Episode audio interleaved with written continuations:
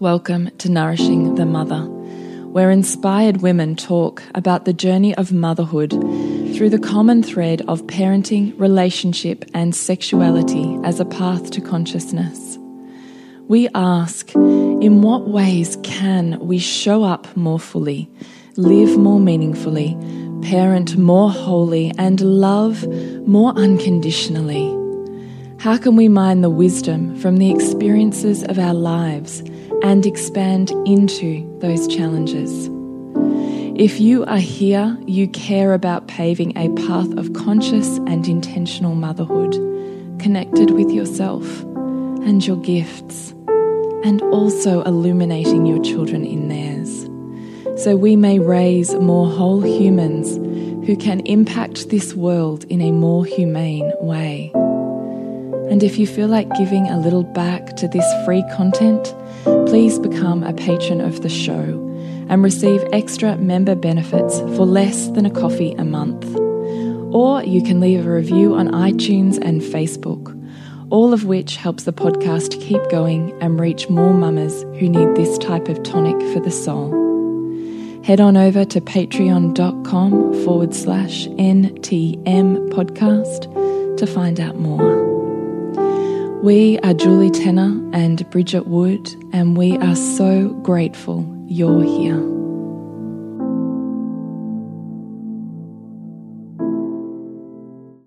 Hello, and welcome to Nourishing the Mother. I'm Bridget Wood. And I'm Julie Tenner. And today's podcast, we have a really special and beautiful guest, Katie Parker. Would you like to say hello, Katie? Hello. so we're talking about preparing for a positive postpartum during COVID slash at any point in time, but particularly during a pandemic crisis and what that might look like and what you need to consider. So it's going to be a really practical and beautiful dive into what this fourth trimester looks like inside and outside of a pandemic. And so we have a postpartum specialist to have that conversation with.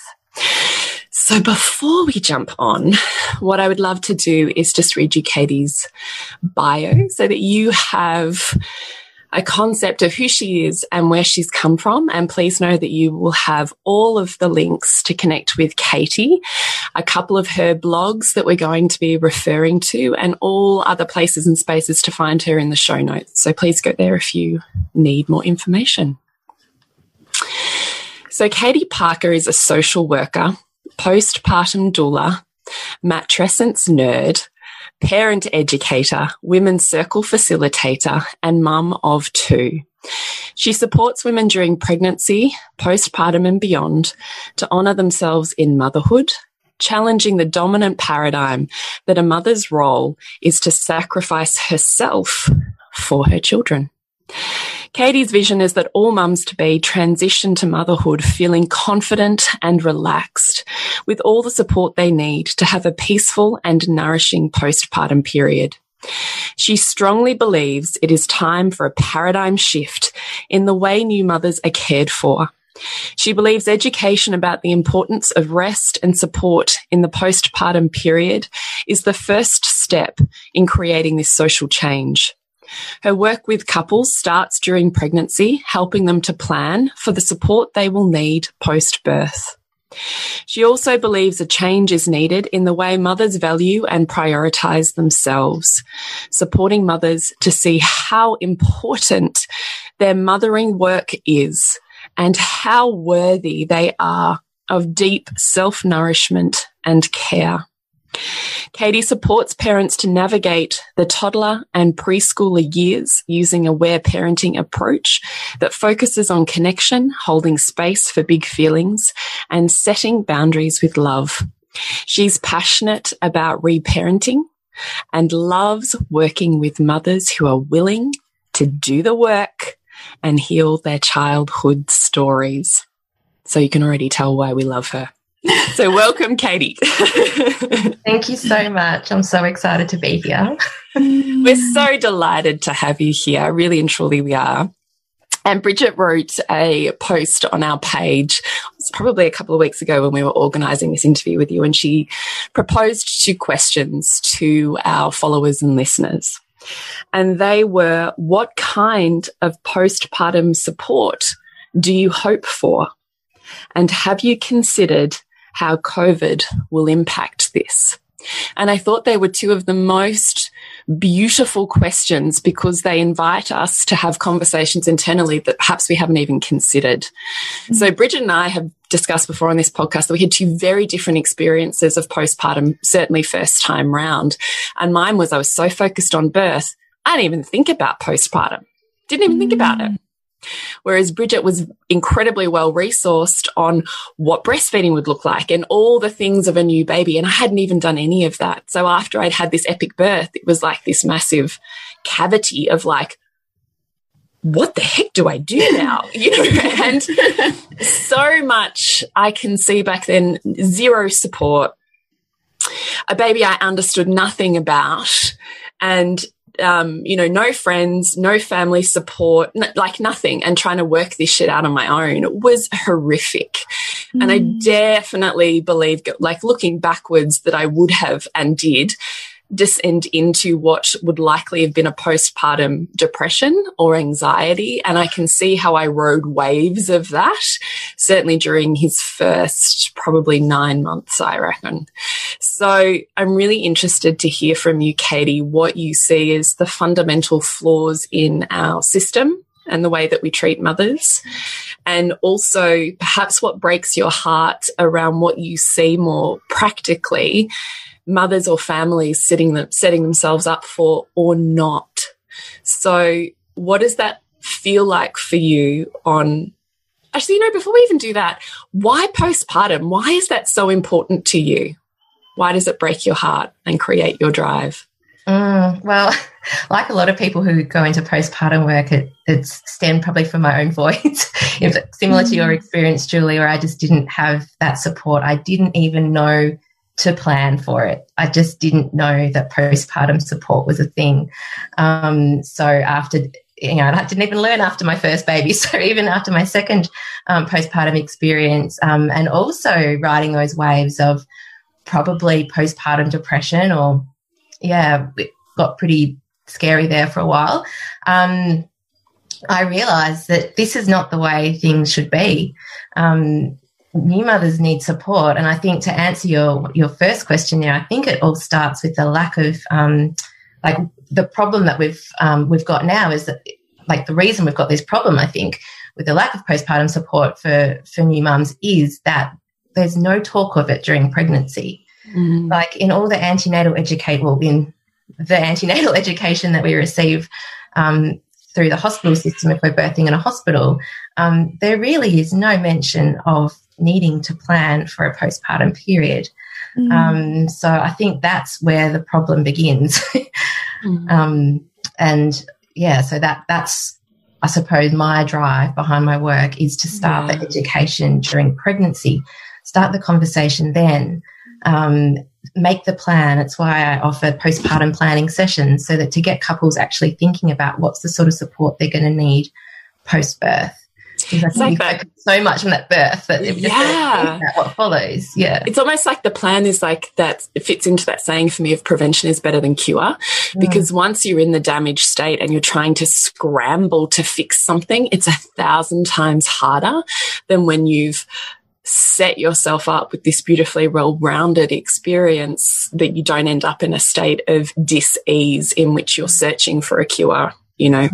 And I've often thought exactly that. Yeah. And I've often thought that, Katie, is that we, even as a mother in a system, we spend so long, you're so important while you have this child growing inside of you. So important. And then the second that child leaves your body, all of the attention and focus shifts to the child outside of your body. And there's almost nothing for mothers. Mm. Yeah. Totally. It's, it's, it's, really, it's really, it's yeah. really woman, woman as vessel to yeah. carry child. Yeah. And then like, you know, she's left kind of holding this baby. She's not actually sure how to parent and also parent herself through holding. And oh, we have a culture that is always oriented towards, you know, I want to see the baby and the gifts and the, mm. and the, you know, the squishiness of a newborn, but not also looking at that mother within that dynamic who needs just as much holding and nurturing as this new baby does. Yeah. Oh, kind of, you know, she's expected to go to a six week appointment and get her tick off to go and exercise again and, and maybe like a, you know, half hearted questionnaire on whether she's got P and D, but nothing to help her set her up to avoid that path. Yeah. And I think what we forget is that through a birth of a baby, a mother is also born. Mm. Um, and both of them need the same levels of support and care. And we're just completely forgetting the mum in that situation. So, yeah. Mm. I remember from my first, we hired an independent midwife. Thank God. I want to thank me so many times back then just for trusting myself to make that decision.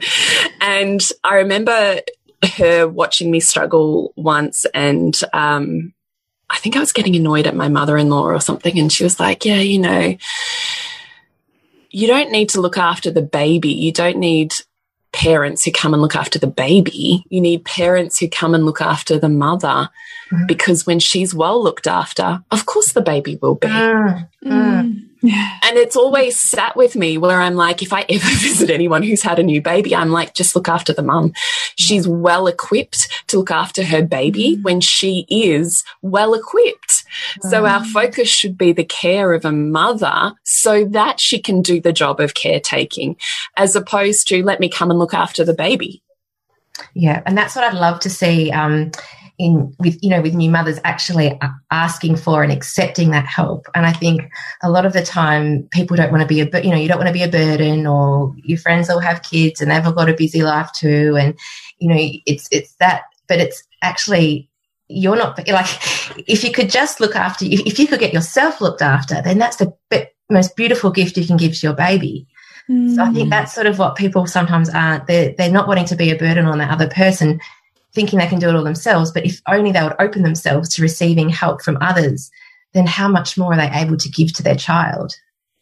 What have you witnessed in the women that you've worked with that prevents them from um, either wanting to ask or receiving any of that help? What do you see is in the way of that? Oh, I think well, I think there's definitely this um, sort of perception in in society that everyone else sort of does it alone. This whole like you know, you can do it all type thing. Mm. Um, so I think when we look around and we don't see other people asking for help and thinking, well, she must, you know, she's managing okay and she's managing okay. So there's that perception of it being weak, you know, a sign of weakness to ask for help. I think that really plays into it. Um, definitely not wanting to be, not wanting to burden others. Um, mm. And also, um, what was the other thing I was just about to say? A third thing. I think yeah, just seeing, if I think it's this seeing everyone else mm. managing and not wanting to seem that, that you can't cope. I think mm. it's. So, what do you say to women? Sorry, Bridgie, you go. I was going to say, it's one of those things like you don't experience the hardship of it until you go through it and then realize that there's all these other silent women too. Like it reminds me a little bit of mm. miscarriage, right? Like so no one talks about it, but it's everywhere. And it's only until you enter that that you have this felt experience of every other woman who is struggling just like you. Because our culture and society doesn't even doesn't put a lens on it. Doesn't mean it's mm. not there. Yeah, and I could share something really beautiful in terms of that. I when I had my I had a miscarriage earlier in the year, and I I, I wrote about it, and I I wrote about it, uh, you know, in my social media, and I wrote a blog about it, and I got contacted by someone yesterday who yesterday mm. Found at the twelve weeks there was no heartbeat, and she remembered reading what I'd written, and she contacted me, and we had a conversation, and afterwards reported feeling so empowered and supported, mm. and I'm like that doesn't happen unless we open up these conversations. You know, otherwise she's so healing, of, isn't it? You know, yeah, yeah.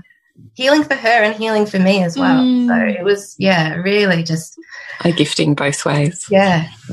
But can I just take you back to that point of women who prevent themselves from, for, for those reasons, from um, mm. initiating perhaps the support that they need? how do you begin to open? What would you recommend, or what conversations would you start having with women to start talking about shifting that belief into one that's more cohesive for community support and holding? Mm, sure. Well, there's a couple of things we talk about, and one is you know looking at postpartum um, from a more like global perspective and the socio-cultural historical perspective postpartum, where where in most cultures in the world, the new mother is cared for. She does not lift a finger in those first six weeks post birth. So I think it's giving that context to it can sometimes be helpful to say, actually, the way we do it here in the West is not normal.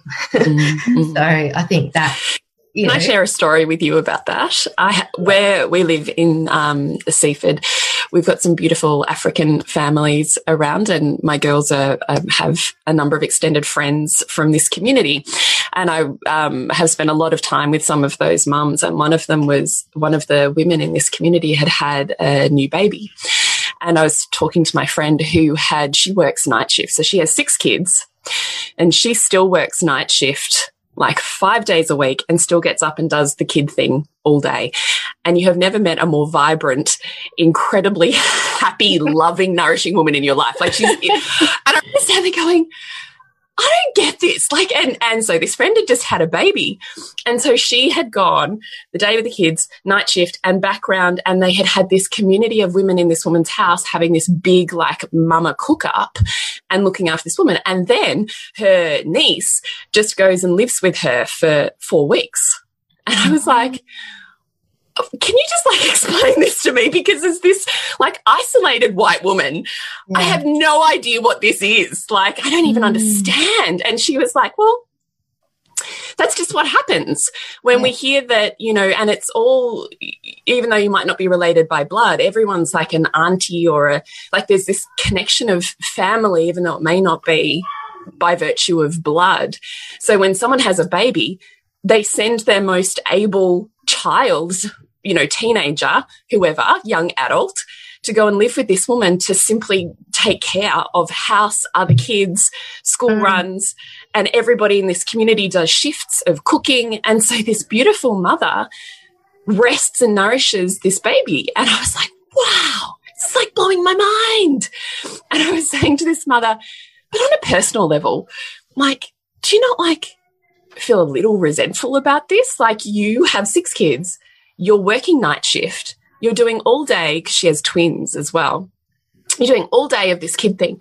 And then you're still going to work and cook and clean for this other friend. And she looked at me like I was crazy. like she literally could not even comprehend what I was saying about resentment. Like she was like, what? I'm going, mm -hmm. wouldn't you? Because I, I'm going, okay, I'm feeling really selfish, but there'd be this part of me like, yeah, but I need some, I need my energy. And she's like, no, like, that's what we do. And it's great. And we like love it. and I was wow. like, wow. Like, in most of the world, that's how it's done. And I think that shows how strong, like, social conditioning is, right? Because we have been brought up and we've watched our mothers doing it alone and we've watched our grandmothers doing it alone. And so that's all we know. Mm. And we just look around and we just see everyone doing it all alone because we live in this, you know, industrialized society where, you know, we live in our little nuclear families and everyone's mm. just all out for themselves. You know, this individual. It's very, it's very individualistic. It's, yeah. it's, you know, you you you are responsible for yourself and make your own way in the world, kind of thing. Yeah. yeah. But I don't think you really get it until you see or hear a scenario like that. And I was like, it is so out of my concept of how what's normal that I was like, I can't even. What?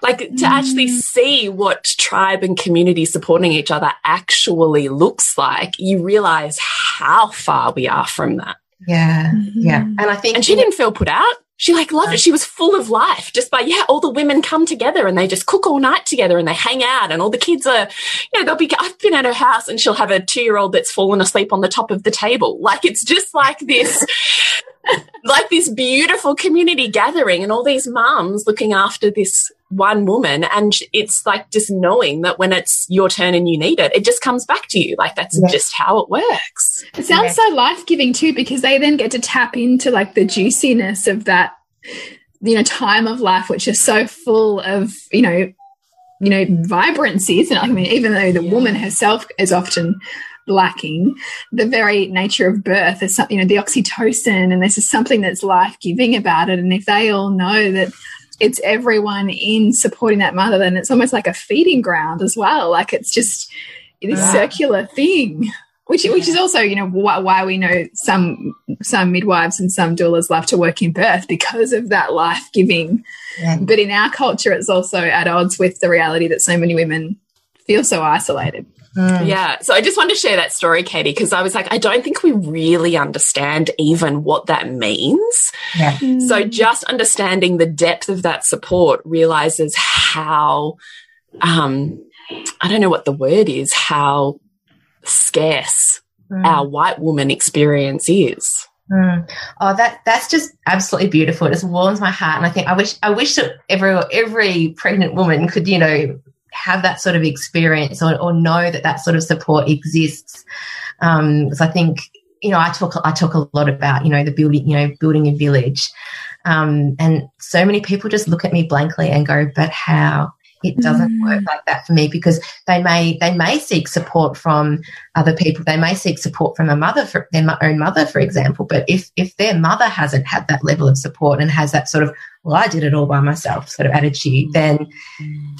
It can be really hard to actually get the help that you're that you're really needing. So, I mean, that's why I think we just need a, a, total paradigm shift in how we actually provide support to new mothers and and yeah, just start by off, you know, by offering if, for, for us, well, if we have pregnant friends, just like you said, you know, when you've been through it yourself, you know that next time you go visit that new mum, you know what you're doing. You you are folding that load of washing, making them a cup of tea, bringing them a meal, and taking their kids out for, you know, their older kids out for a play. Like, but mm. that's not. I don't think that's really common. Mm. What would you like to see women set themselves up to experience? What would you like them to see? If we know culturally, let's say cultures like my friend who might have four to six weeks where they're just completely looked after and essentially don't leave the bed. What would you like to see as the experience that we bring into our lives now as mm. new mothers? Mm. Well, I think, and it's something I've spoken to you before about, Jules, is that that that seven sisters model where you have, you know, during pregnancy, you nominate seven seven sisters, whether it's your mother, mother-in-law, friends, sisters, aunts, cousins, whoever it is, but you create your village by um, seeking support from these seven seven women. Um, they each get nominated a you know a day of, of, the week, so that you've got your whole seven days covered, and that for those first six weeks, you know that every day you've got someone who can bring you a meal, can take your, you know, like I said before, do all the things. um, mm. To take all the the um, you know the household caring responsibilities off your shoulders, so that you can be um, fully focused on caring for your newborn baby. So I think that would be lovely. And people I've spoken to who've had that in place have just, and it's often been they've had that for subsequent children, like a third child, and just haven't, you know, cannot believe the difference in their postpartum period from that it makes earlier. Yeah, yeah. yeah. What sort of role does a professional like yourself play in the postpartum experience? Well, I think my role really starts in pregnancy. Um, unfortunately, I have to say, the vast majority of clients that come to me actually come to me in crisis during postpartum. What I would love to see is more women. Actually, I, I, that's not true. I do. I do have you know, I'm thinking of the, th the three women that I'm working with at the moment providing the in-home care. All three of them actually did come to me during pregnancy so that we're able to have that postpartum planning session where we look at um, that you know I, I, focus on the first six weeks but obviously you know the support needed goes beyond beyond the first six weeks. But we, we, we primarily look at those first six weeks and put a plan in place. So what we do is we look at um, all the things that they might be needing support with and then we look at all the different people they could ask for help from. And then we sort of, you know, allocate tasks, who they're going to ask for what sort of help. Um, Can I just ask you, do they ever have the experience where they ask and someone's like, I can't do that? Oh, occasionally. Occasionally. What do you think? How does that roll from there? Yeah, so that's that's something that yeah is is challenge you know is challenging because obviously they've put themselves out there um, in that way to ask for help because it is it is um, you know you'd have to be a bit brave ask for help just because it's just not the norm. Um, mm. But I think, I mean, the thing is to remember is that most people love to feel helpful.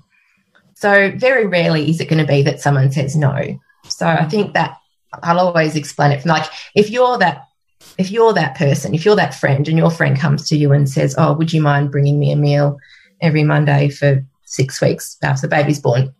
You could like you're going to want to help that new mum, aren't you? So you mm. probably you're probably going to want to say yes. Um, mm. Rarely, look, I, I can't even think of actually an example where that's happened. I mean, it's more people that I've spoken to that I've heard of people saying no to. So I haven't actually none of the women I've worked with that's happened to, but I've definitely heard of it happening. And um, yeah, that's I think I think you just have to go, okay, I tried there, that didn't work, and then look at all, you know, look at look at the rest of your village and who else you've got to ask. Um, mm. And I think, you know, who knows what's going on for that person as well. Like not make, not making that about you at all. It's probably something that that they're going through, and I think it can mm. often be someone who has had a a, a, perhaps negative postpartum experience themselves and sort of thinks, well, I did it all myself, so why should I? You know, that unfortunately, you know, that, that attitude's around a little bit as well. That, that tends to be common in, um, I think that tends to be quite common in mother-in-laws or even mothers sometimes. Mm. You know, this, this, this judgment that, you know, look at how much you've got, you've got so much support that I never had, so why should you have more? yeah, a little bit yeah. of you know woundedness. Yeah, and again, that just comes back to their own woundedness. Their their shit to work through, right? Like, yeah, try and brush that off and just focus on the people who are wanting to wrap you, you know, wrap you up in support. This is the thing, isn't it? Is that often when we begin to step into creating deep and nourishing experiences for ourselves, we will automatically, by virtue of that, rub up the feathers of the people who cannot give that to themselves.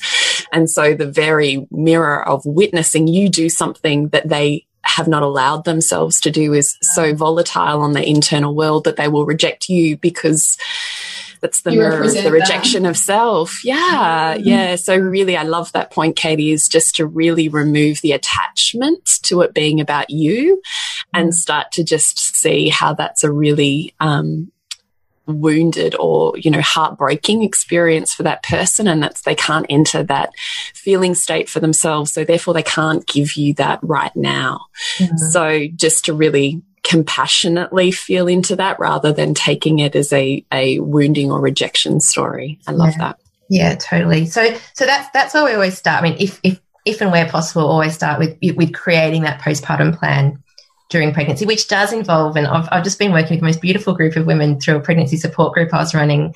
And, you know, actually throughout that six weeks, watching their confidence with asking for help just grew and grew. And it was amazing. By the end of that six weeks, they were asking people that they probably, you know, wouldn't have asked mm. before. And Can I just ask you, you're going to run that again? Because I do think there's something extraordinary about that concept of it's like group coaching, isn't it? It's you have this group mm. of women that come together, and by virtue of watching other women do the thing that perhaps they're not brave enough to do, all of a sudden they find the courage to do that thing.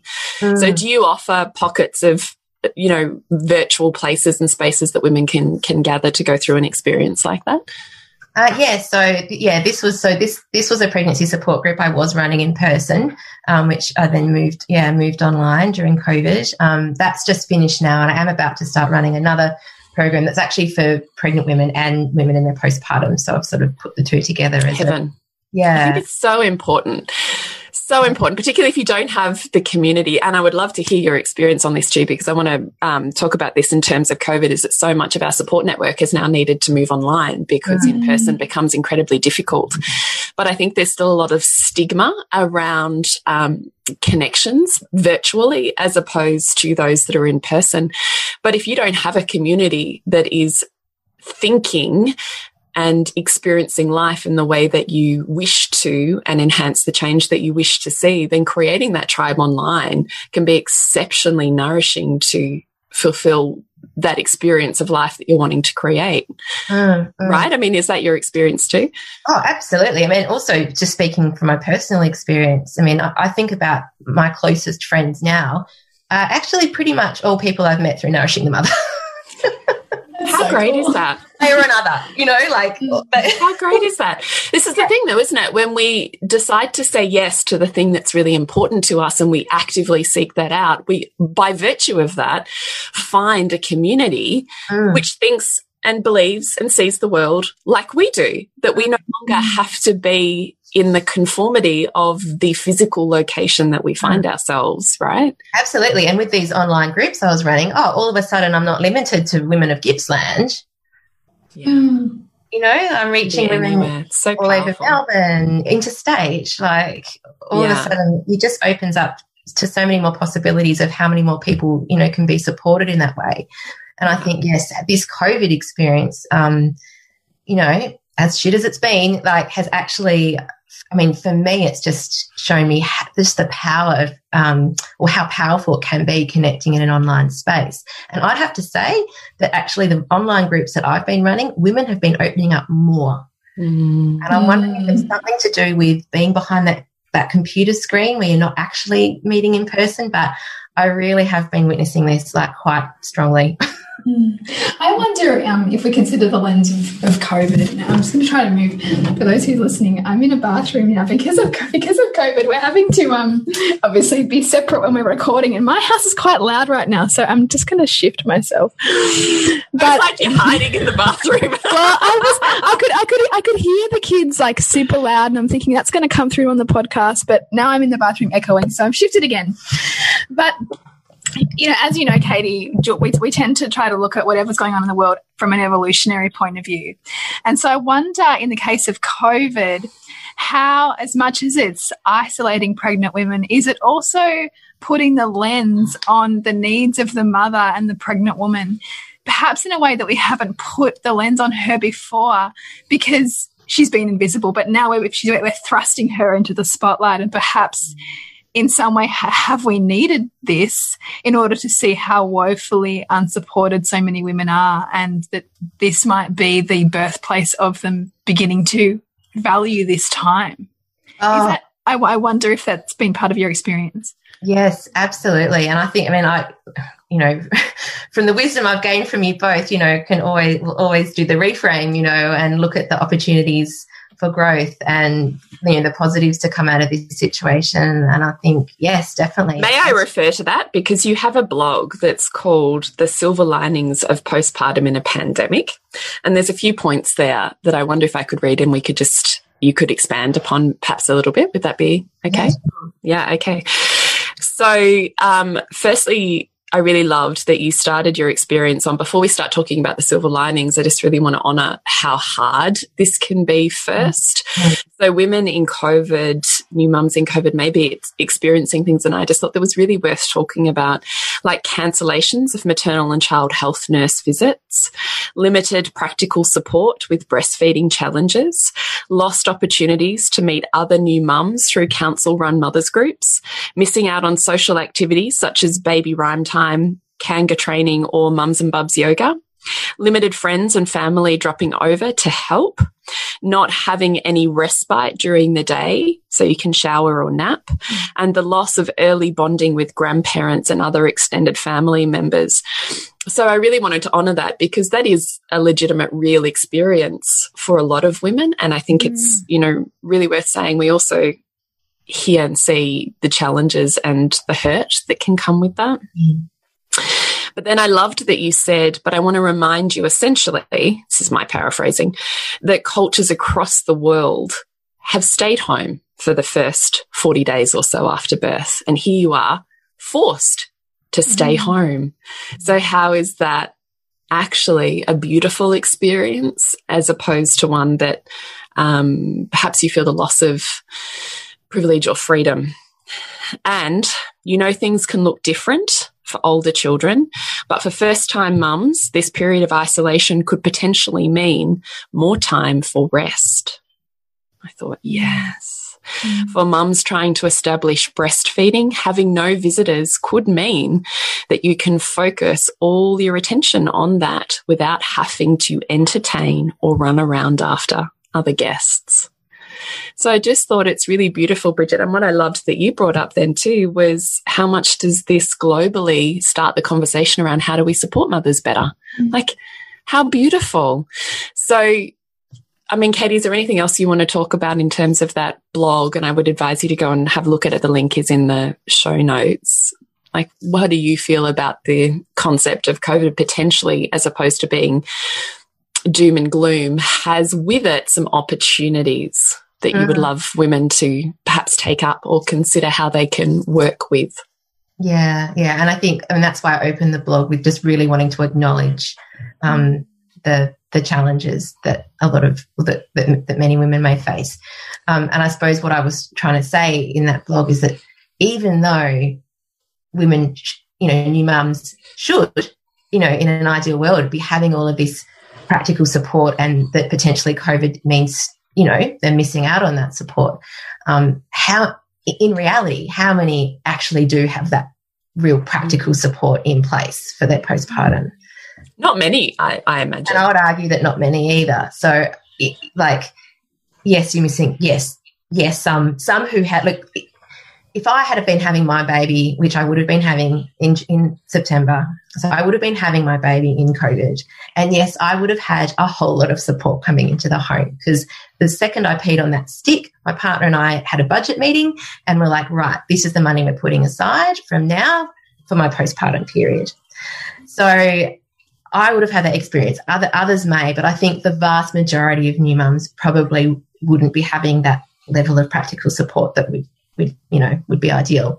So, um, and I think in that blog, I, I, I talked about, um, and I, I, was reflecting on my own, you know, experience of my first postpartum, where I was constantly entertaining guests. Like I was having, I think I had someone visit every day for the first month, um, which seems lovely and it was and i love the the social contact and the company of all of that but also there were times where i would finally get that baby to sleep and I, it was like finally my opportunity to lie down and close my eyes as well and ding dong goes the you know the doorbell with my next visitor and then i'm you know, having to make the cup of tea and sit there and have this conversation when all I want to be doing is resting with my baby. Sleeping. Yeah. So um, I, I, think, and I, it's interesting. A, a mother's, I, have run a few different groups during this time, but one of them, um, it was with a group of mums who had actually met as a group. So their their babies were around about three months old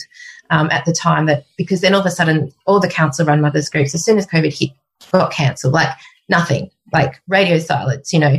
So these mums are sort of like, uh, no support. So I put I put on quite a few different free free groups and things. And this particular group, I think, were unique in that they'd had the experience of pre-COVID, postpartum experience, and then the post-COVID. And there were definitely stories of, oh, it's been so nice just to be able to rest when the baby's sleeping, um, and to also not have the visitors who bring with them the most loving and well meaning of advice, but not very helpful when you're a new mum and mm. you're trying to work out how the hell this this thing goes, you know. mm. So to not and just that feeling of being observed and oh you're feeding him again or you know like oh surely he can't be hungry again or you know like all those little comments just or, gone. You know, you, you don't have and that. there's also no FOMO. Like I, I do wonder if that actually can help some women in the identity transition um, into motherhood because so often if you're um, a woman of the world and you're used to having your independence and being able to be and do and have whatever and see see whoever that the, the crashing reality of being home with a baby can be really challenging. But the thing about covid and particularly if we're in if you're in hard lockdown like we are no one else around you is doing anything else but being at home too. And so in some way it's almost like a form of solidarity with knowing that there's not all this exciting stuff happening in the outside world because everyone else is cocooning too, just like a new mother and her baby ideally should be. Mm. So that's another flip that I like on on this this scenario now, as as challenging it is as it is to be isolated. Yeah, that's true. And actually, something I didn't write about in the blog, but I think is is also a really valid point, is that a lot of women are, are, grieving the loss of their mothers groups and not being able to mm. connect in person. And while I really do acknowledge that, and mothers groups can be a huge source of support for some women, for others they're not. Mm. Um, and I think particularly if you have a different parenting approach to the, the majority of your mothers group, they can actually be very um, isolating. Um, Soul crushing. Yeah. I first mother's group my counselor was horrendous yeah, so because I was the only one trying to find natural parenting approaches. And I was like, what the fuck is wrong with me? You know, because I was so, and I had the maternal and child health nurse say, you know, no attachment parent to child has ever slept well. So I had this, yeah, I had this. She's like, you will not have a good sleeper if you continue to attachment parent. Oh so it's so interesting when you consider the removal of that. Mm. What does it open you up for? Mm, yeah, totally. And sometimes, I mean, and, and you know, in my case, I mean, I wouldn't have met Julie if I didn't have such a horrendous mm. experience with that council run. Yeah, because we specifically sought out the group of like-minded mothers. This yes. is the whole thing, isn't it, Katie? Yes. Yes. Totally. Do you find the women that come to you um, have shared values or outlooks to parenting, or is it quite varied? Um, it's varied, but probably as I get more um, what's the word like authentic maybe with my message i'm probably attracting probably more like-minded women mm. Mm.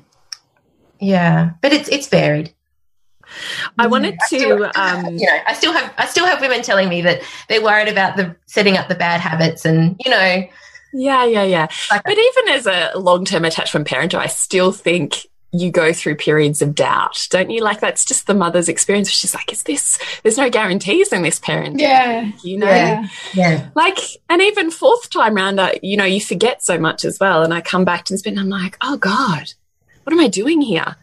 What do I want to do here? You know, I still think, I still think that's part of the experience of motherhood is really, you know, clearing out the junk that's in your head and mm. deciding what's authentic for you. I just think that's a, I don't know, like a common experience. Well, you know, and, and, healthy questioning, I think, it gets you authentic and helps you kind of weed out your own stuck stuff as well as what's coming in, you know, from others. It's trying to be, you almost need that tussle with, with, um, your uncertainty to, to get your certainty.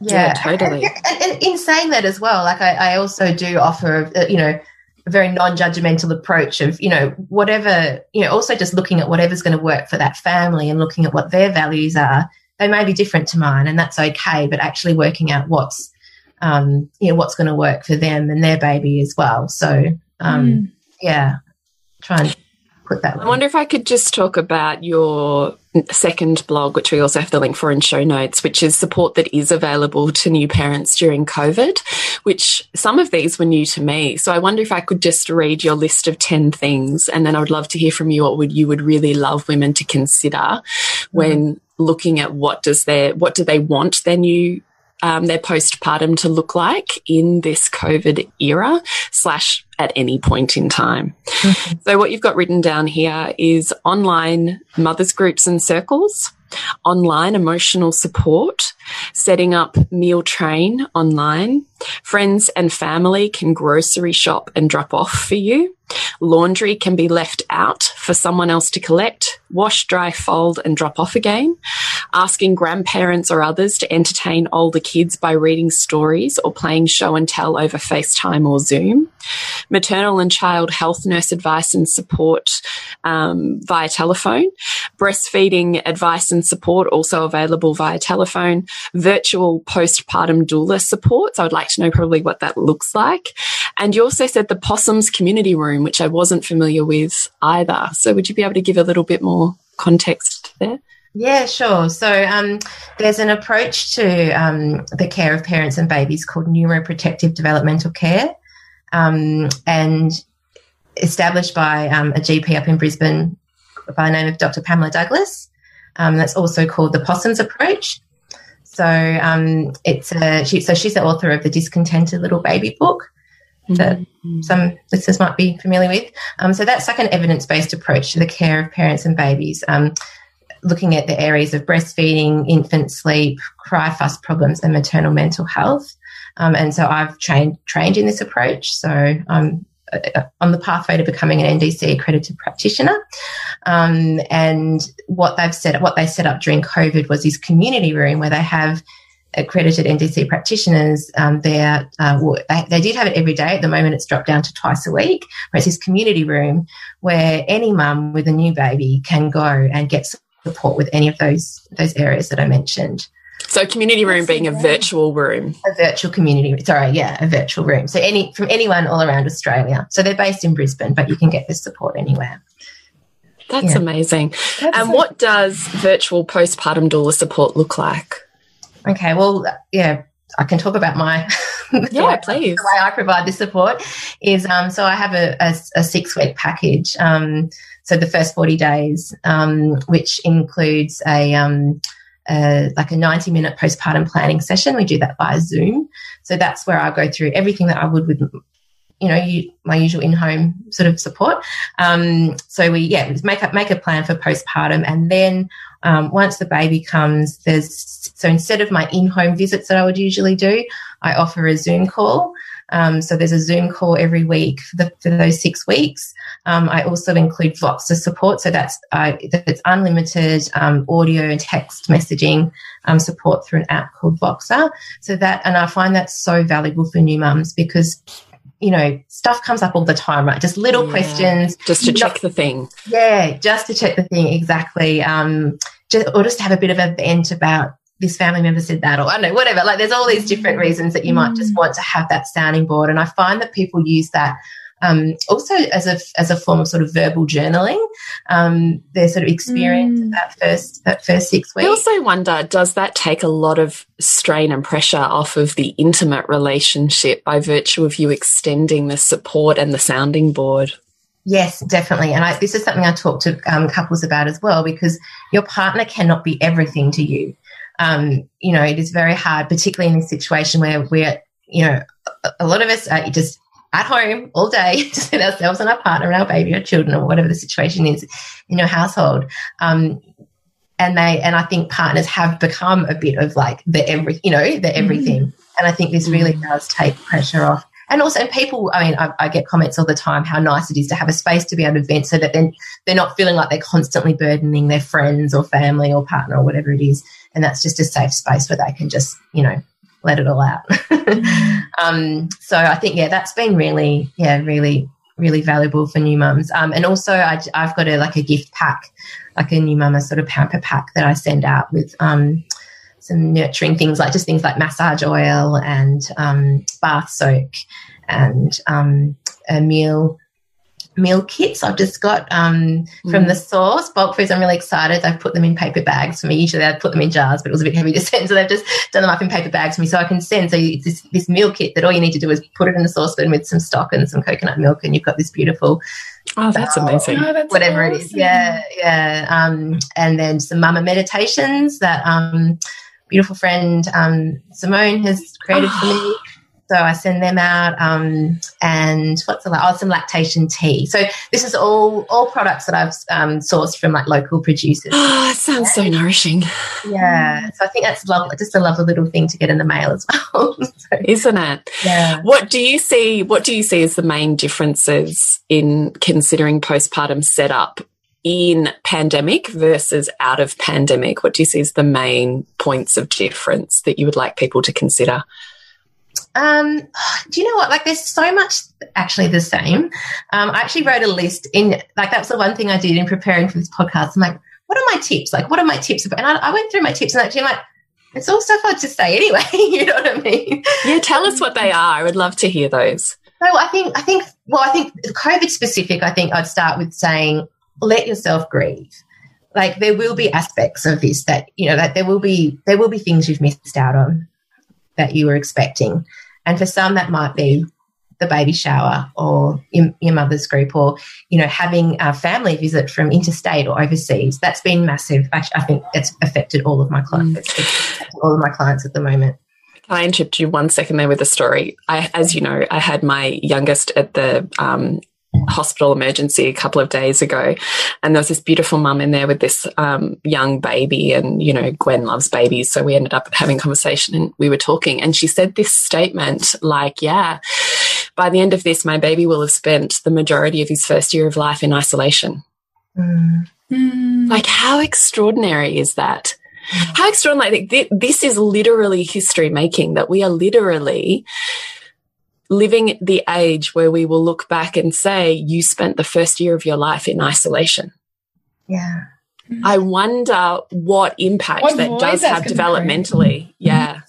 It's huge. And I, I, think to that, I would say, because yeah, I think there's a lot of anxiety around um, what does that mean for a baby's development. And so, yeah. um, and this is probably taking, like, taking from the Possums approach I was talking about earlier is how important sensory nourishment is for, for a new baby um, and looking at other ways of providing that when we can't be getting out and about. So it is like using that one hour that you've got to exercise to get outside and exercise and to show them the world and um, you know use your use your backyard or your balcony or whatever access you've got to the outside world to, to give them different enriching sort of sensory experiences um, using FaceTime to to connect. And I know it's not the same as in person, but still, you know, you can. They will. They do get to know their grandparents and other, you know, family members via a computer screen. That you know, that's still mm. really possible. So encouraging that um, to you know staying connect, staying connected with your friends and your family via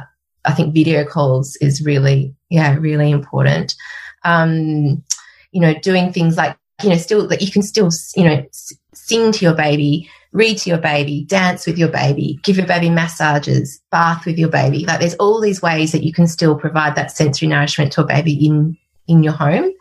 Mm. Um, and really, a, a, new baby actually isn't needing like like they need you and they need sensory experiences that you can provide in your home. They're actually not needing a whole lot of other. You know mm. what I mean? Mm. Like, yeah like play dates. Such, yeah, such an important conversation. Need, um, they don't need the entertainment. Actually, in terms of baby's development, often being home is the best because they're not having to face all of these transitions all of the time and the overstimulation of you know really busy environments and all of that. Like the, there's those benefits.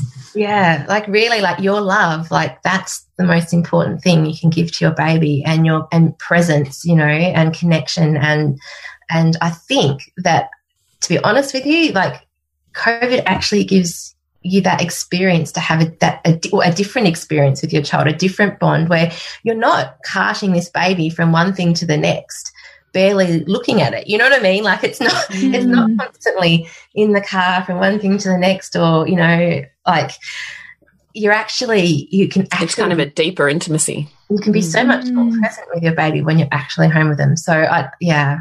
I, can I just ask you one other question on that? Yeah. How then do mothers balance? Like, what what's your advice for the getting the break?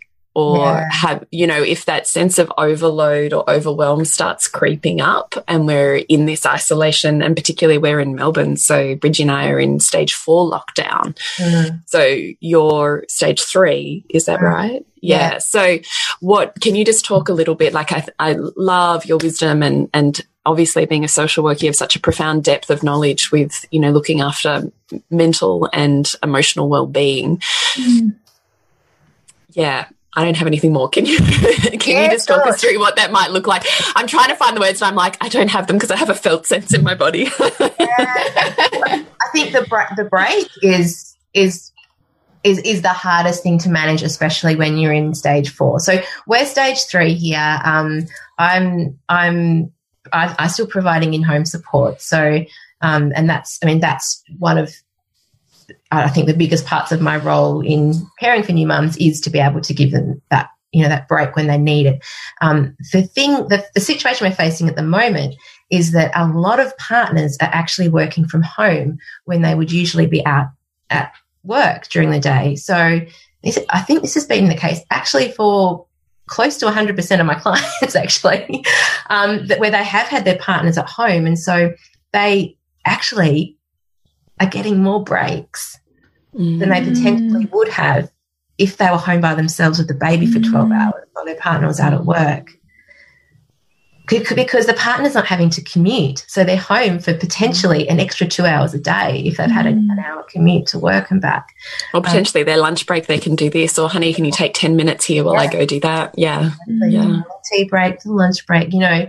Um, and, because, and you're getting that more time every morning and afternoon. So, yeah, or evening or whatever it is. So I've been encouraging mums to use that as much as they possibly can um, and be getting out um, really having some alone time, if they can be getting out just even just for a walk around the block by themselves um, once a day and you know, I say try try and do it in the morning. I think that just makes the day flow so much better when you've had that little bit of a break and you know you've had that chance to sort of fill your cup. And you might want to just put your headphones in and listen to some music or a podcast mm. or whatever, um, and just be out in nature. And we all know that you know, exercise out in nature is so good for our mm. emotional as well as our physical health. Um, so I think, yeah, getting getting that in before your partner sits down, you know, to work for the day um, is really important. And and just getting the, you know, literally taking what, like whatever you can.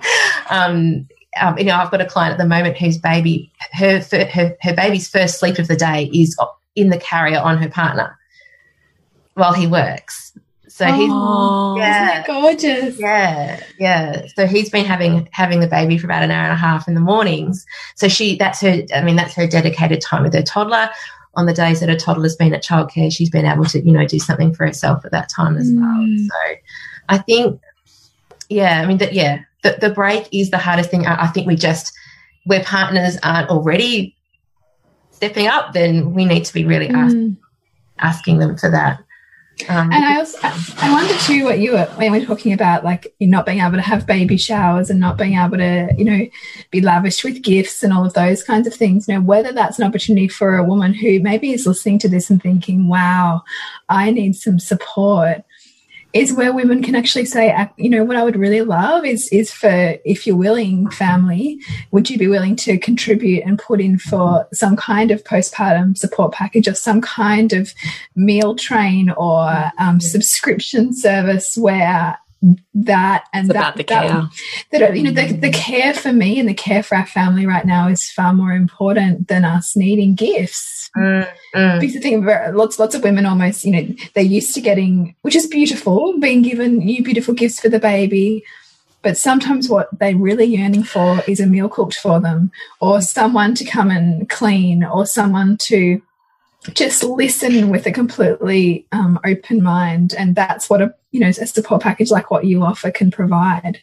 Yeah yeah. Oh there was just something else about to say and then it's just left my head. Um but yeah sorry. It'll come back. Come back to um, your original. It'll come back i reckon. Come back to your original points before i interrupted you. So you're saying in covid your main points of difference or not for postpartum care Yes. Okay. Oh, I've just remembered what it was. Oh, good. okay. but yeah, like what you said with the with the baby shower, um, and I think a lot a lot of women are grieving this loss of a baby shower. Mm. Now, I've never had a baby shower. That's not high on my priority list. It just it just never was. So I think something like an online mother's blessing, like what you offer, Julie, mm. um, is you know, can, which I've you know I've attended the one that you facilitated is can be deeply nourishing, much, not more nourishing than a baby shower. So, and part of your setup. Yeah, yeah, mm. and and have all those women who attend your online mother's blessing can then pop their name down on that meal train for you, or if they if they're not local, they can order, you know, food to be delivered. Um, and that sort of thing. Or there's these meal kits that I'm now including, you know, like I love that idea. That's amazing. So great. Like, yeah, there are ways there are ways around there are there are ways around it. But sorry, the points of back to your question on the points of difference. Um, so yes, so I think that's a, that was a big one. I think in terms of having um, like the, the, the break thing is something that's coming up up a lot. Um, um, let me. I've got my little list here. Let me just have a little look. Oh, I know a big one is just letting go of all the shoulds. Like it sounds so good, doesn't it? But then when you're living the shoulds, how hard is it? Yeah, it's mm. hard.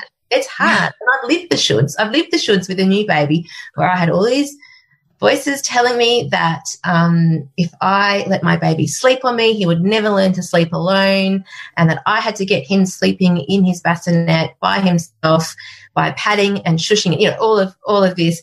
And I can, you know, I can tell you how bad that was for my mental health and how different an experience that was to me second time round when I let go of all that and let my baby sleep on me and in in with me. And you know um, so mm. I think letting letting go a lot of the shoulds that you're hearing from sort of I suppose a lot of the mainstream parenting advice out there which is often what you're getting from friends and family. Um, really like just focusing like focusing on the things that you can control because in this situation there's so many things that you can't control Um, but there are actually, like when you look at it, there are lots of things that you can. Um, so, um, yeah, just really like living in the present moment. Mm. And I, I, know that can be easier said than done, but I think if you can just bring that, you know, that mind, you know, that mindfulness to your day where you are actually rather than constantly projecting into the future of, and, you know, which is really anxiety inducing where mm. you're thinking about all the things that could go wrong or, you know, even even these thoughts of, oh my gosh, my baby's development is going to be so affected throughout, you know, even those sorts of thoughts, like that's actually not something you've got control over right now. This is like what you do have control over is how you can respond to your baby and communicate with your baby and show your baby love. And, you know, they're the things you've got control. You can, you can, you can, you can control how you change their nappy and talk with them and, you know, bringing mindfulness to that rather than quick, I've got to get the nappy changed because there's, a, you know, there's the sink of dishes that I've got to get done and the, the washing to hang, to hang out. Just, just bringing your attention to that present moment and just, you know, making eye contact with your baby and feeling the sensation of their skin as you, you know, putting the nappy on and, mm. you know, talking to them and just really, I think, I mean, I, I think this is, like I said, a lot of this advice is stuff that I would say to a new mum in, in COVID or not COVID, but I think it's even more um, more the case where we really are like we are, I suppose, so isolated from outside contact that it, becomes even more important to bring in um, the joy into our days and thinking mm. about. And I think you know the biggest question I get people to ask is is what do I need right now? Um, if you're feeling overwhelmed, exhausted, you know, anxious, just pausing and just regulating yourself and just taking some mm. really deep breaths and just tuning into your body and think, what is it that I need right now?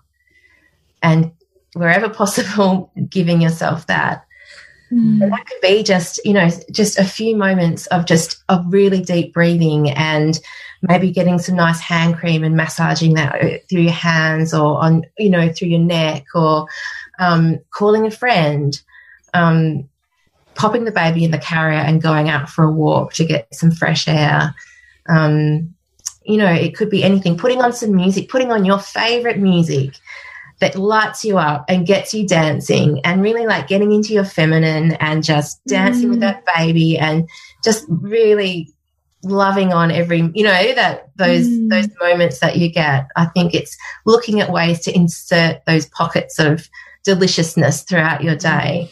Um, which yeah I, I know that may come across as like oh a bit hard. Like i know a lot of new mums are really struggling right now particularly when you've got old you know when there's older children as well to juggle. Um, yeah, I, I do think that that's more challenging in covid. Yeah i think that's yeah, that is a different situation. Um, I think in COVID, um, certainly for the last lockdown period that we went through, um, probably the biggest gift I gave myself during that period when I had my kids home full time and was also in the process of moving my entire business online and running all these programs and groups was dropping the guilt around TV. Mm. Yeah. Uh, you know, this is short. There's a time and a place for it. Yeah. Yeah. Like just something, you know, like giving ourselves a break, giving out, speaking to ourselves kindly and with compassion, um, not beating ourselves up for you know not being the perfect mum and mm. yeah activity. I mean, things like with the older kids, you know, each night you could be packing them a lunchbox and setting up an activity for them, so that that's something less you've got to think about the next day. Um, mm. You're not constantly having, you know, being demanded. responding to yeah, water yeah. and snacks. Yeah, yeah, yeah. That's really good advice, actually. Mm. Yeah, good. Lunch. Even go ahead. Um, what else? I think when you yeah, when all else fails, use water. so mm. I put a photo up on, on Instagram the other day of my kids. Yes, in the middle of winter in Gippsland, naked in our paddling pool. Um, um, but that can, you know, I think water is such an underthought of yeah. thing. You know, um, getting in the bath with with your baby um, when if they're really dialed up and crying and you know just I think having a bath and giving them a breastfeed in the bath and um, yeah, again, kids in the bath, water play, giving your kids a bucket of water so they can paint the fence, you know, all those sorts of things. Um, mm. Getting them involved. I mean, I, I get my kids involved in chores like all the time where they, yeah. you know, help with putting the washing away or hanging the washing. And yes, it takes longer, but, you know, we're not going anywhere. So mm. um, just getting them really involved. So before we wrap up, Katie, and we ask you our three quickfire questions, is there anything that you would really like um, either new mums or pregnant mums to know or please, please, please consider in creating the space for yourself that can be deeply nourishing? Yeah, so I think probably my two key things are get as much rest as you possibly can we always function better on in, when we have well rested bodies. Um, and again, that can be different when you've got toddlers running around as well. But in, in whatever capacity you can, like if you do have a partner working from home, take the 10 or the 15 minutes, whatever you can, to, to go and lie down um, during the day to just, you know, recharge. So I think rest is super important and just you've got no one coming over at the moment. So don't worry about that. You know, like if it's a choice between housework and rest, you know, always take rest. So I think that's, um, yeah, first one. And the second one is support. Like you must have support around you. So I, that's something I really encourage mums to do in, in pregnancy is to have their list of numbers on the fridge. And that can be, you know, the, the friends that you can call when you are on the kitchen floor falling apart. Um, you know, who can you call at your most vulnerable? Um, so, and, and then also, you know, a list of numbers of, of professionals, be that your maternal and child health nurse, you know, Australian Breastfeeding Association, um, GP, whoever it is you've got there as well, uh, Panda, um, for, you know, for mental health support. And also, it, like, mm. like think ahead. I mean, yeah, not to say everyone needs a postpartum doula, but wouldn't it wouldn't it change our culture if we all had that as a setup experience though? Well, that's mm. what I. That's what I think. Yeah. Like, like as important as the private obstetrician. Yeah, yeah. Who is there for maybe ten minutes of your birth? Yeah. that's that's a lot to shift. Dollars. So yeah, yeah, absolutely. Um, and I think that's. Uh, yeah, that it's it's what breaks my heart is seeing how much time and energy goes into planning and and money, time, energy, and pl- and money that goes in planning for all your um, all the material objects that you think you need in postpartum. Like very rarely mm. is money put aside for mental, um, emotional, and physical emotional support. And it still blows my mind the amount of time I spent on my on my son's nursery and researching all the things I had to buy versus the birth and the postpartum and every edge I might hit as a woman in that transformation. That was all like a rude shock, a lot of that. Mm. And yet, I don't think that many women meet that unless they're surrounded by community or people who put a lens on that. So I think it's beautiful that you're doing that. Yeah. Oh, like my dream would be that every woman could have a postpartum doula. Like, really, that's that's my dream. And unfortunately, you know, there isn't a Medicare rebate for postpartum doula services currently. So no, I would love to see mm. that too, though, I have to say. Mm. All right, can I ask you the three questions that we ask all of our beautiful guests? Yes, you can. Okay, so question number one is Can you reflect upon a time in your life where you've experienced a pain or a wound and have consequently or subsequently turned that wound into wisdom? Mm what, what first came to mind was um, actually the, the death of my mother. So um, I, my mum died when I was 11, and then my mother in law died when, well, before we had children, very early on in our relationship. Um, and I, so I was, I was thinking that that was it, but I actually think I'm going to change. And I'm actually going to, it's actually going to be, I think, the miscarriage I had this year. Hmm. I think, I mean, I was just giving you the example before of this incredible conversation I was able to have with this, this one woman as a result of me sharing my experience online and how that has changed her experience. Um, and I, I, just feel like there, there's, like, I don't yet know the impact of that, mm. of, uh, as of, of that experience, but I just feel like it has given me so much more empathy having gone through that pain myself for mm. the women that I work with. So I think that's. And does it change the support or guidance that you offer or would consider for women who are having a miscarriage? Like, is that changed by a, by um, virtue of having a miscarriage experience yourself that you healed? Yes, yes, um, it, it, has because I, I, I, I, can now look back. I mean, I was absolutely surrounded by this village of support, this a literal circle of women around me um, when I was having that experience, and I was pro constantly processing and reaching out to my friends who'd had similar experiences and hearing their stories and talking about it and um, voxering my mentors about it. And this constant processing of it meant that within a couple of days of the experience happening, I felt emotionally, I felt really good.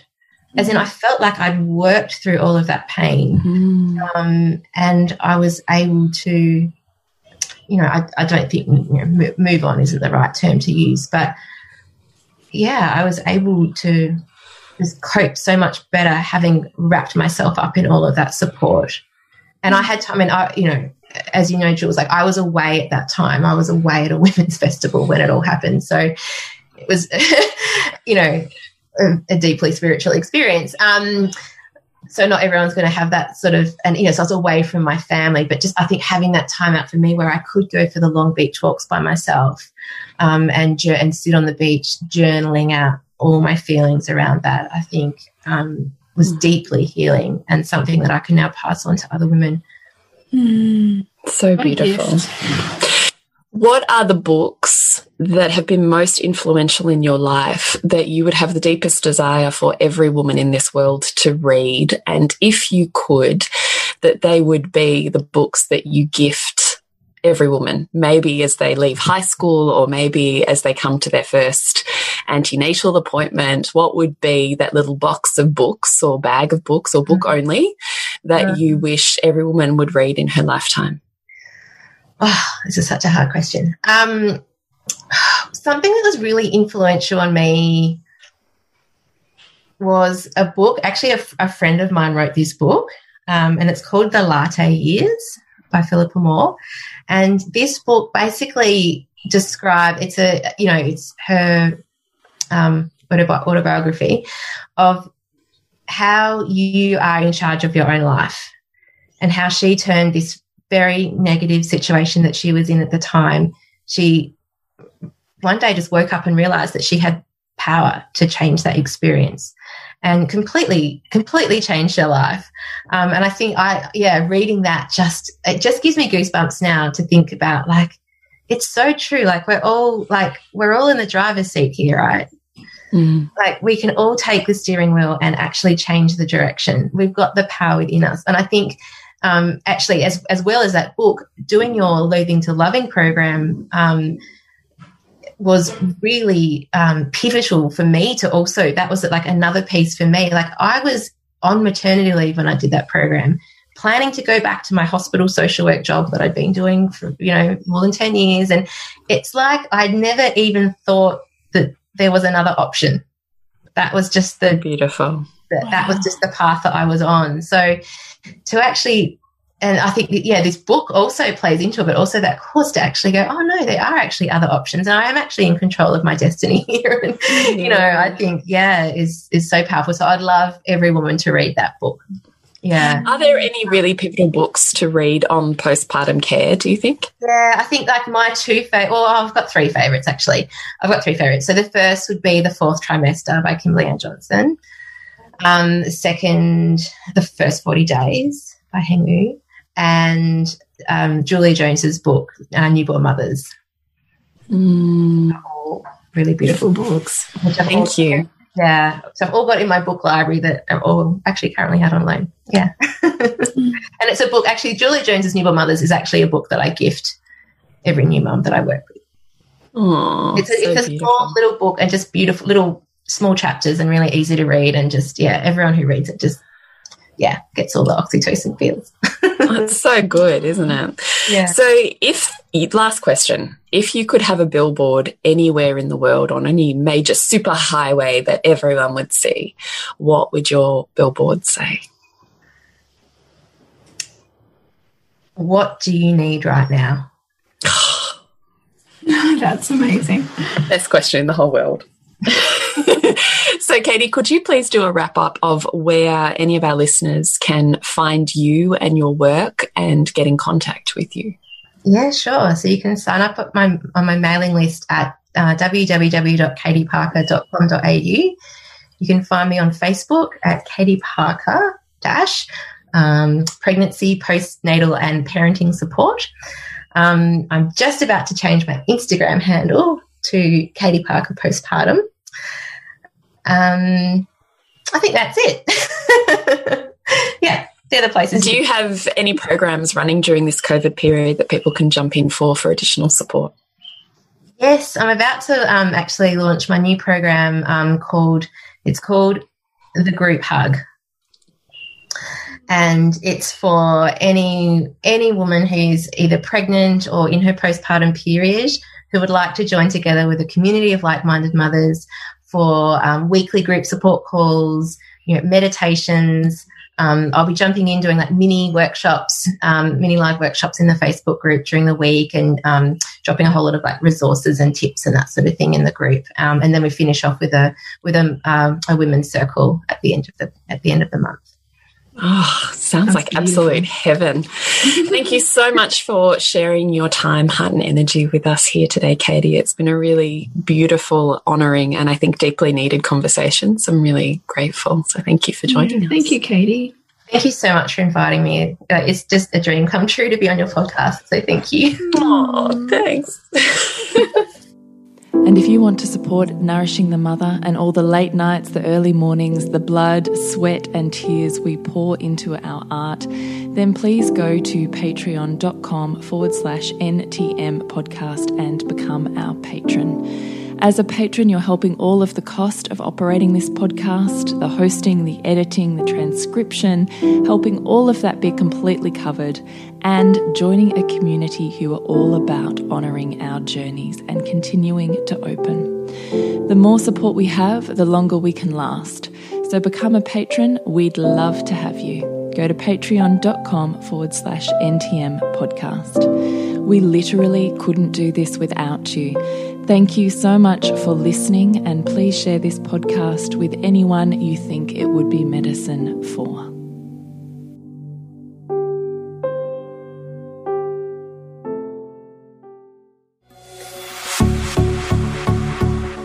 This has been a production of TheWellnessCouch.com. Check us out on Facebook and join in the conversation on Facebook.com forward slash The Wellness Couch. Subscribe to each show on iTunes and check us out on Twitter. The Wellness Couch, streaming wellness into your lives. Whilst the Wellness Couch presenter endeavor to provide accurate and helpful information to their listeners, these podcasts cannot take into account individual circumstances and are not intended to be a substitute for health and medical advice from a qualified health professional. You should always seek the advice of a qualified health professional before acting on any of the information provided by any of the Wellness Couch podcasts.